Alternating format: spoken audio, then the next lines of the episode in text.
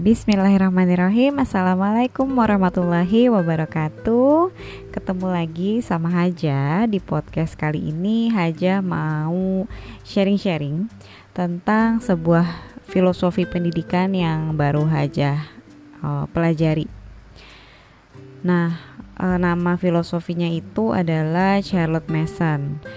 Bagi sebagian orang mungkin ini asing atau mungkin malah dikait-kaitkan sama uh, Freemason gitu ya atau hal yang lainnya tapi uh, sama sekali nggak terkait ya kalau untuk itu Nah, filosofi pendidikan ini baru aja tahu itu di sekitar tahun 2020 akhir dan itu pun masih sebatas uh, baca sekilas, ulasan orang gitu ya. Tapi belum sampai memperdalam. Nah, sampai akhirnya aja mulai membeli sebuah buku judulnya Cinta yang Berpikir. Ini penulisnya Mbak Ellen Christie, sebuah manual pendidikan karakter Charlotte Mason. Jadi ini sebenarnya bukunya uh, secara garis besar menggambarkan bagaimana sih konsep Charles Charlotte Mason itu. Nah, uh, jujur baru tahun 2021 ini ya mulai benar-benar membaca buku ini karena bisa dibilang bukunya tuh cukup berat ya. Cukup berat di sini maksudnya memang uh, dia bahas total gitu ya. Dia bahas total dan mendalam filosofinya. Nah um, ketika baca buku ini gitu ya di awal saya benar-benar ngerasa kok kayak yang dapet harta karun gitu ya. Jadi bener-bener ngerasa kok ini pas banget gitu ya entah dari pemaparan Mbak Ellennya ya dalam menuliskan buku ini tapi bener-bener secara konsep saya tuh cocok gitu ya sama konsep Charlotte Mason ini gitu. Jadi saya mulai mempelajari itu dan e, berusaha membuka diri aja gitu ya dengan konsep yang ada tapi juga tetap mengaktifkan filter ya. Maksudnya saya nggak pernah tahu ini seperti apa. Jadi tetap uh, sambil dipelajari lah gitu ya. Nah uh, menariknya tuh dulu saat anak saya masih balita gitu ya saya kenalnya tuh namanya Montessori itu cukup terkenal sebetulnya pada masa ide balita gitu ya saya mempelajari Montessori, terus mengikuti beberapa workshopnya gitu ya.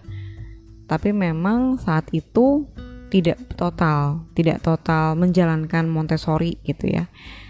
Bisa dibilang saat itu ya masih coba-coba gitu. Montessori dicoba, pendidikan yang lain dicoba gitu ya. Karena kan tipe-tipenya banyak dan kita sebagai orang tua baru tuh kadang bingung gitu ya, harus pakai yang mana, harus mengadaptasi uh, metode yang mana kayak gitu kan nah uh, menjelang Haidar nih anakku usianya sekarang 6 tahun kenal Charlotte Mason dan aku ngerasa uh, ini cocok gitu ya dengan usianya gitu. Jadi kalau di Charlotte Mason itu dia ada uh, fase akademisnya itu di usia 6 dan 6 atau 7 ya. Dan pas banget nih Haidar udah di usia itu.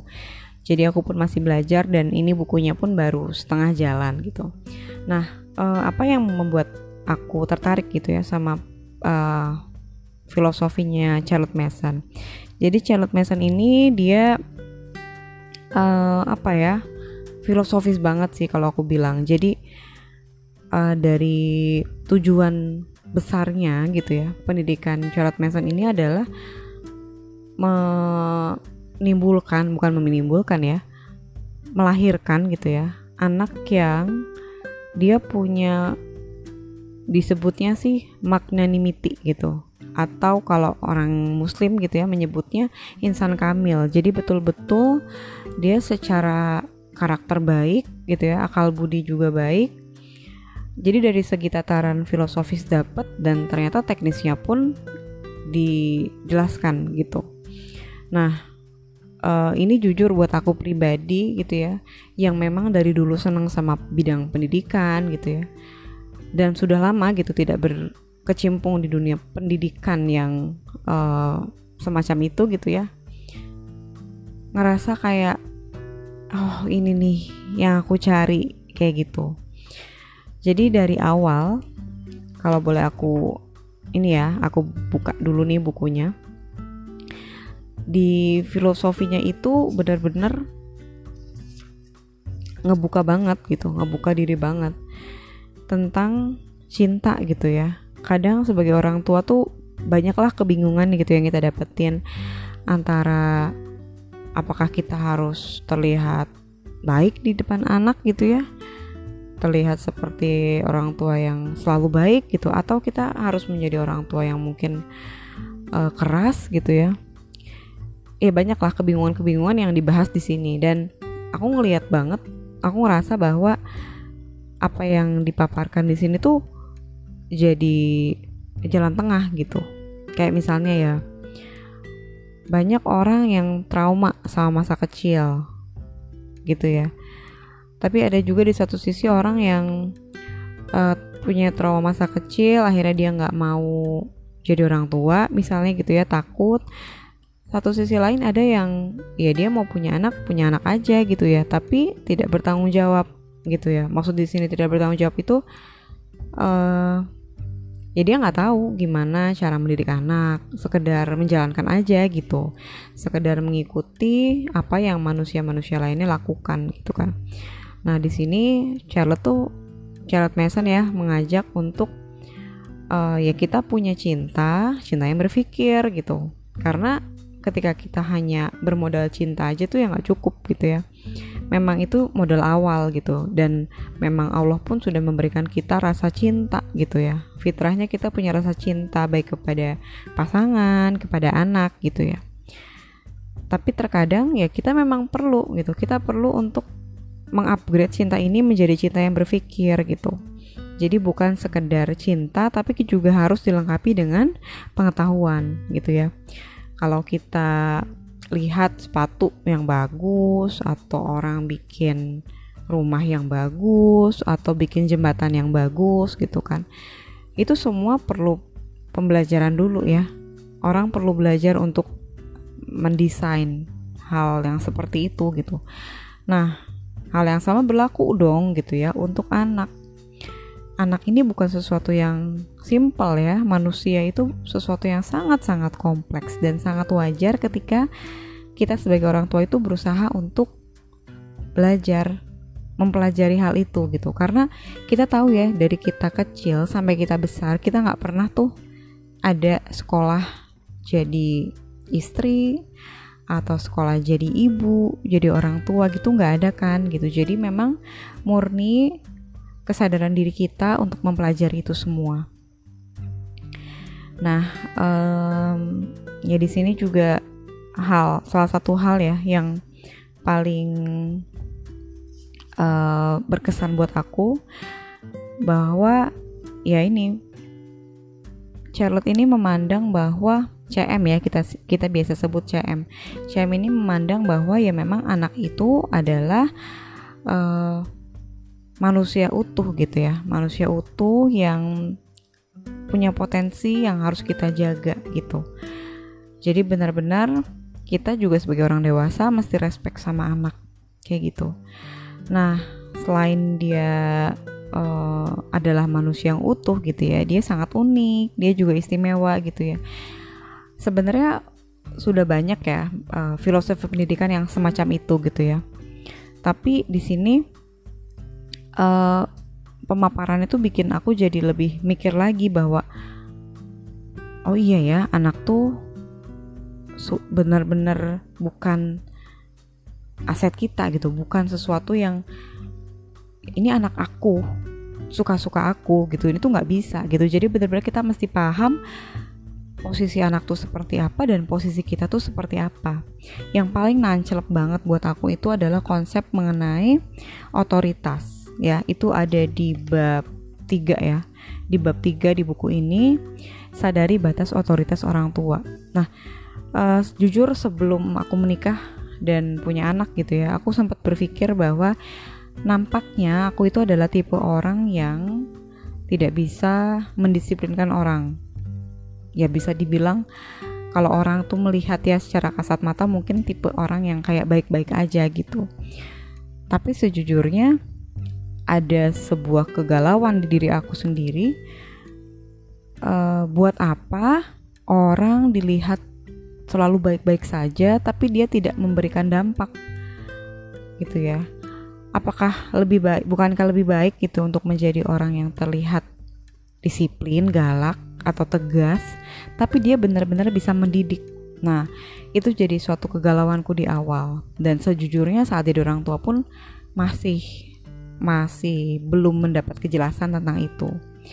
Karena ya sebagai anak ya kita mungkin dulu melihat role model orang tua kita aja gitu. Dan mungkin sekarang setelah menikah ya melihat role model dari orang tuanya suami kita gitu. Dan terkadang itu nggak cukup gitu ya ketika memang belum sesuai dengan apa yang kita cari gitu. Nah di sini yang menarik adalah um, kalau zaman dulu orang tua itu kan dapat ya bisa kita uh, apa ya simpulkan bahwa pendidikan zaman dulu tuh keras gitu ya. Pendidikan zaman dulu tuh keras disiplinnya tinggi ya anak mulai dipukul atau guru itu boleh uh, ya mendidik muridnya seperti apa gitu. Sementara sekarang banyak yang mengeluhkan bahwa anak-anak zaman sekarang itu nggak sopan gitu ya. Saking terlalu uh, lembek mungkin ya dari segi pendidikannya jadi ada hal-hal yang memang berubah gitu dari zaman dulu hingga zaman sekarang. Jujur aku dulu nggak termasuk yang uh, orang tuanya keras banget gitu enggak ya. Justru enggak seperti itu. Tapi satu sisi memang aku jadi bingung gitu. Ini aku masih seperti apa gitu. Nah di CM ini aku dapat jawabannya gitu. Kalau zaman dulu itu sifatnya parent center ya, semua itu senternya adalah orang tua kalau zaman sekarang itu children center alias pusatnya itu di anak. Nah, CM ini dia tidak mendewakan salah satunya. Jadi dia sikapnya itu di tengah-tengah. Sebenarnya sama ya kayak di Islam gitu ya. Kita tidak dianjurkan untuk terlalu ekstrim ke kanan banget atau ke kiri banget gitu ya. Kita pertengahan. Dan aku ngerasa ini pas banget gitu. Jadi kalau CM ini adalah principal center parenting. Jadi pusatnya itu di prinsip. Nah, prinsip apa sih yang dipegang gitu? Nah, ini yang menarik. Prinsipnya itu adalah uh, bahwa setiap orang tua itu punya otoritas ya, jelas punya otoritas. Tapi uh, otoritasnya ini juga ada takarannya gitu loh. Maksudnya ada batasannya. Kalau di Islam kita kenal ya, uh, memang anak itu harus taat sama orang tua, tapi terkadang kita tidak bisa memahami taatnya itu seperti apa. Apakah anak tidak boleh untuk berdiskusikah dengan orang tuanya atau anak tidak boleh untuk uh, ngobrol santai dengan orang tuanya gitu ya. Hal-hal seperti itu kan kadang kita bingung gitu ya. Kalau kita belum benar-benar paham. Nah, di sini tuh dia menggambarkannya dengan prinsip yang simpel bahwa uh, ada sebuah otoritas dari orang tua tapi satu sisi juga ada ketaatan di pihak anak ya. Dan itu adalah syarat yang paling penting ternyata. Nah di sini aku langsung dapet aha momen itu tadi ya. Oke aku sebagai orang tua tuh punya otoritas loh gitu ya. Kita sering dengar orang tua itu diamanahkan sama Allah gitu ya untuk menjaga anak-anak, untuk mendidik anak-anak. Tapi kadang juga kita lupa, kadang nggak paham amanahnya tuh gimana sih gitu? Seperti apa sih realitanya gitu kan? Kadang-kadang kita nggak paham gitu. Nah di sini aku kebayang bahwa oke okay, orang tua tuh punya otoritas. Orang tua tuh punya otoritas dan anak juga harus taat.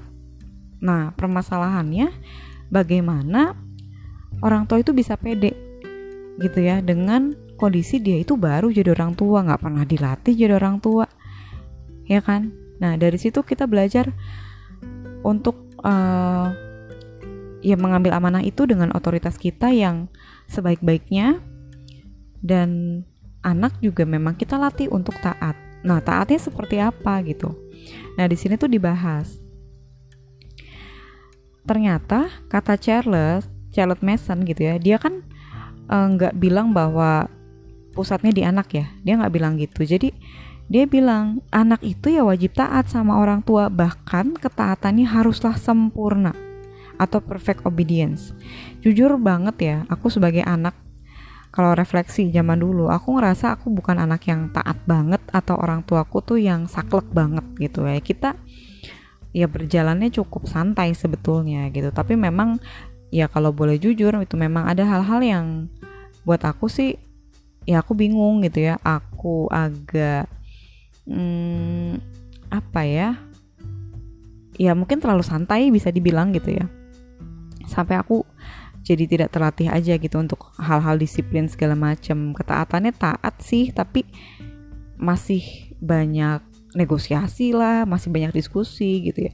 Satu sisi itu baik sih buat aku. Aku ngerasa ya setiap orang memang punya hak untuk berbicara, untuk mengeluarkan pendapat gitu ya. Tapi satu sisi ternyata memang ada nih prinsip itu bahwa anak itu memang harus taat sempurna sama orang tuanya. Nah, pertanyaannya tadi ya, ketaatan sempurna itu seperti apa gitu. Nah, ternyata kalau di CM ini dia bilang dalam ketaatan sempurna itu idealnya seorang anak langsung mengerjakan perintah orang tuanya pada kali pertama perintah itu diucapkan. Nah loh, kebayang gak tuh?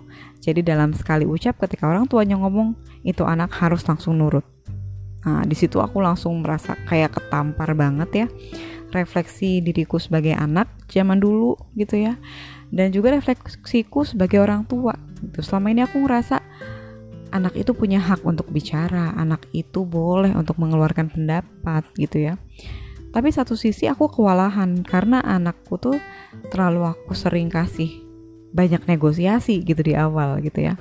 Dan itu agak berbeda dengan uh, cara didikan suami gitu ya. Jadi aku akhirnya baru sadar oh ternyata untuk hal-hal yang prinsip itu memang harus taat.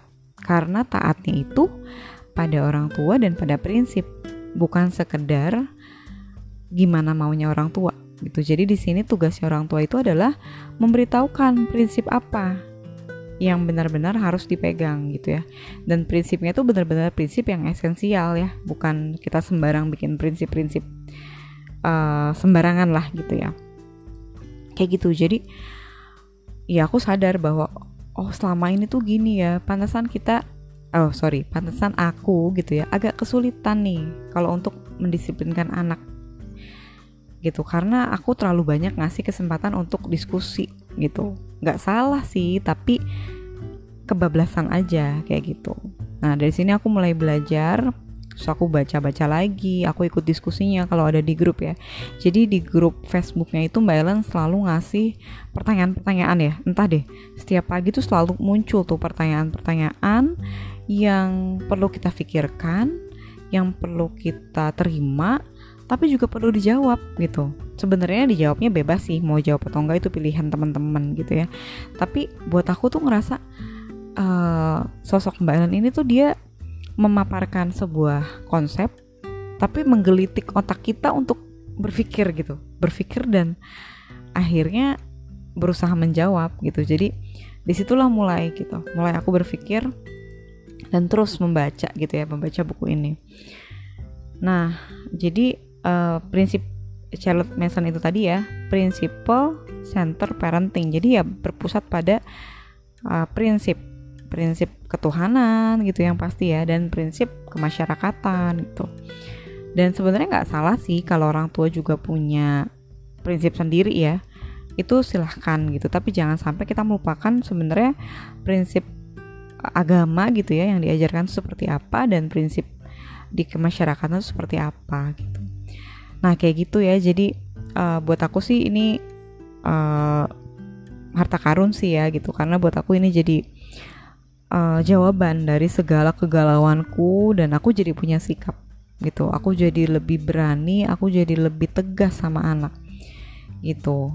Uh, ya memang perlu seperti itu sih ya namanya orang tua kayak gitu kan nah ternyata di sini uh, sebenarnya sama sih kayak teori leadership gitu ya kalau orang mau didengar sama yang lain mau diturutin sama mungkin bawahannya kah atau mitranya gitu ya dia harus punya entah karismanya, entah seni memimpinnya gitu kan. Harus ada sesuatu gitu yang membuat orang tuh mau menuruti kata-katanya gitu. Dan di sini pun juga uh, perlu orang tua tuh belajar mengenai gimana sih seni memimpin gitu ya? Memimpin anak gitu. Bagaimana mendukung anak supaya ketika kita mengatur mereka mereka nggak ngerasa orang tua kita orang tuanya tuh terlalu otoriter gitu. Nah di sini ada perbedaan ya antara otoritas sama otoriter di sini disebutkan otoritas itu sering dituduh sebagai sumber tirani dan perbudakan.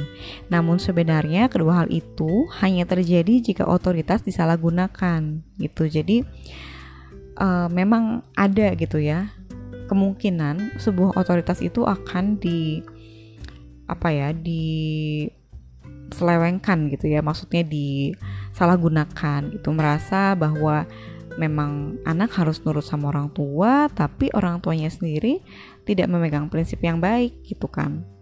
Itu jadi di situ jelas bedanya antara otoriter sama uh, otoritas gitu ya. Nah ini di bab 3 nih. Jadi um, menarik deh untuk bahas uh, keseluruhan filosofinya gitu ya. Uh, ya dari sini sih akhirnya aku ikut ya sebuah trainingnya. Training ini diadain sama Mbak Ellen namanya habit training. Ini mungkin akan aku sharingkan di podcast yang lain ya. Uh, di sini aku belajar untuk melatihkan sebuah habit itu penting banget gitu. Ini aku lupa ya ada di buku bab berapa tapi filosofi pendidikannya itu adalah yang pertama atmosfer gitu ya. Yang kedua itu salah satunya adalah melatihkan disiplin. Dan aku merasa bahwa oh ternyata itu yang mungkin miss gitu ya dari apa yang aku dapatkan. Bukan berarti orang tuaku nggak eh, salah gitu ya atau misalnya tidak kompeten bukan. Tapi memang ya kita tahu gitu ya setiap orang tua uh, aku pun ngerasa gitu awal jadi orang tua kan kita belajar ya kita belajar gitu. Dan zaman dulu dan zaman sekarang pasti berbeda banget gitu kan. Jadi ya kita uh, perlu menerima aja gitu. Dan pasti selalu ada hikmahnya gitu. Ya aku merasa bahwa oh ternyata aku tuh nggak nggak dilatihkan disiplin tuh kayaknya dari kecil. Ada part-part yang aku inget misalnya mesti rajin gosok gigi gitu ya tiap malam. Tapi itu nggak nggak yang sampai bener-bener tertanam tuh dalam diri aku. Atau misalnya mandi harus dua kali sehari misalnya gitu ya. Ya buat aku mandi ya cukup kalau perlu aja gitu atau misalnya mau pergi gitu itu mandi gitu. Tapi kalau misalnya enggak ya buat apa? Kayak gitu ya. Ya masih hal-hal yang kayak yang kayak gitu gitu. Nah uh, di situ aku dapat bener-bener insight juga bahwa ya selain keteladanan kita tuh butuh melatihkan ke anak gitu. Misalnya nih ya apalagi zaman sekarang Abah Isan pernah bilang keteladanan aja tuh nggak cukup. Ya misalnya orang tuanya baik tapi anak terpapar sama hal yang lain gitu ya. Terinstall software yang lain gitu ya kita nggak pernah tahu. Jadi keteladanan itu nggak cukup. Nah keteladanan itu saja nggak cukup maka kita juga perlu selain memberikan teladan udah pasti. Dan yang kedua melatihkan sebuah kedisiplinan. Dan ini tuh bener-bener mesti diprogram. Bukan sekedar ya gimana nanti deh nanti juga anaknya bisa nanti juga anaknya mau enggak gitu ya. Dan itu tuh memang benar-benar mesti dikondisikan. Nah pengkondisiannya ini gitu ya yang perlu kita pikirkan bagaimana supaya anak ini mau mau terdisiplinkan gitu. Karena efeknya ini besar banget sih kalau aku rasa ya. Orang tua yang mendisiplinkan anak dari kecil itu mungkin emang terasa agak berat ya saat melakukan itu. Namanya juga ngetraining ya. Tapi anak akan merasa lebih ringan di masa depannya. Karena dia udah tertata tuh hal-hal yang penting yang memang sudah harus dia lakukan di awal gitu ya. Itu dia udah tahu. Tapi ketika tidak dilatihkan gitu ya mungkin orang tua akan ngerasa aku nih contohnya misalnya tidak melatihkan sebuah disiplin gitu ya mungkin ngerasanya kayak ya udah santai aja gitu. Anak nggak terlalu banyak dilarang ini itu nggak terlalu banyak dilatih ini itu gitu ya. Tapi kelak dia akan berat gitu. Dan itu kerasa sih buat aku gitu ya. Kalau aku ambil contoh ya antara aku sama suamiku gitu beliau tuh sangat disiplin gitu ya. Untuk hal-hal yang buat aku kayak ngapain sih? gitu lagi dipikirin gitu ya kalau beliau tuh bener-bener sudah memegang itu karena sudah jadi bagian dari hidupnya selama puluhan tahun gitu kan. Dan aku ngerasa ketika mulai kenapa sih dari dulu aku berusaha bikin habit-habit baru itu kadang ya seringnya sih malah nggak berhasil karena memang aku nggak paham sebenarnya bagaimana sih melatihkan habit itu gitu. Dan itu ternyata pekerjaan puluhan tahun ya bukan sehari dua hari gitu. Jadi sangat wajar sih ketika aku ngelakuin sebuah habit dan habitnya itu ketika nggak dilakuin lagi tuh akunya ya udahlah gitu. Karena aku tidak tahu tidak punya relasi kuat tentang hal itu gitu. Nah kalau suamiku tuh beda. Beliau tuh kalau udah punya habit bener-bener dipegang dan itu bagus gitu. Jadi aku banyak belajar juga bahwa ya memang didikan yang disiplin itu memang perlu perlu gitu. Memang penting. Kayak gitu. Jadi ini mungkin bagi sebagian orang uh, akan menganggap ya iyalah ya gitu ya. Mungkin sebagian akan menganggap begitu. Dan aku pun dulu juga berpikir bahwa iya anak itu ke anak harus disiplin. Tapi ketika nggak bener-bener tahu harus seperti apa iya disiplinnya itu disiplin-disiplinan aja gitu. Nggak bener-bener disiplin. Dan bersyukur banget uh, dari mulai bulan apa ya berapa bulan inilah ya Juni sih seingatku. Uh, sebelum sebenarnya sebelum aku mulai training itu Juni aku udah mulai mengazamkan diri untuk um, lebih fokus melatihkan sebuah kebiasaan baik ke anak gitu ya. Dari bulan Juni, Juli, Agustus, September udah masuk Oktober ya udah empat bulan ini ya aku ngerasa lebih bisa mengendalikan diri. Jujur ini mungkin uh, baru muncul ketika aku ngalamin sebuah masalah. Jadi di sekitar bulan Februari, Maret, April itu memang sempet ada sebuah problem ya, gitu yang aku nggak bisa handle, yang berat banget rasanya gitu ya, ketika posisi LD LDM-an sama suami dan uh, tinggal di rumah, maksudnya kita numpang tinggal gitu ya, numpang tinggal di rumah mertua uh, dan kondisi lingkungan sekitar tetangga anak-anaknya itu kita belum kenal gitu ya belum kenal betul. Jadi ada ya eh istilahnya turbulensi lah ya gitu yang membuat uh, aku jadi kayak agak-agak stres saat itu. Nah tapi dari situ justru jadi titik balik bahwa oke okay, Bismillah gitu. Uh, aku memegang kendali memegang kendali atas diriku atas hidupku atas keteraturan anakku gitu. Jadi minimal itu yang ku pegang dan alhamdulillah sampai saat ini lebih stabil gitu. Kayak gitu aja deh ya nggak kerasa udah setengah jam.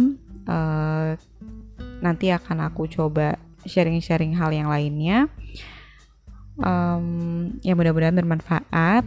Uh, tapi aku rekomendasi sih teman-teman untuk baca ini. Ini ada sedikit perbedaan sih antara Montessori dan uh, CM ya. Memang beda banget sih sebenarnya tapi ya kalau aku ambil tarik uh, benang merah gitu ya. Ya aku mungkin dulu pas ketika aku mempelajari Montessori saat anak masih balita karena memang itu sensori banget. Uh, memanfaatkan apa sensori terus indera gitu ya.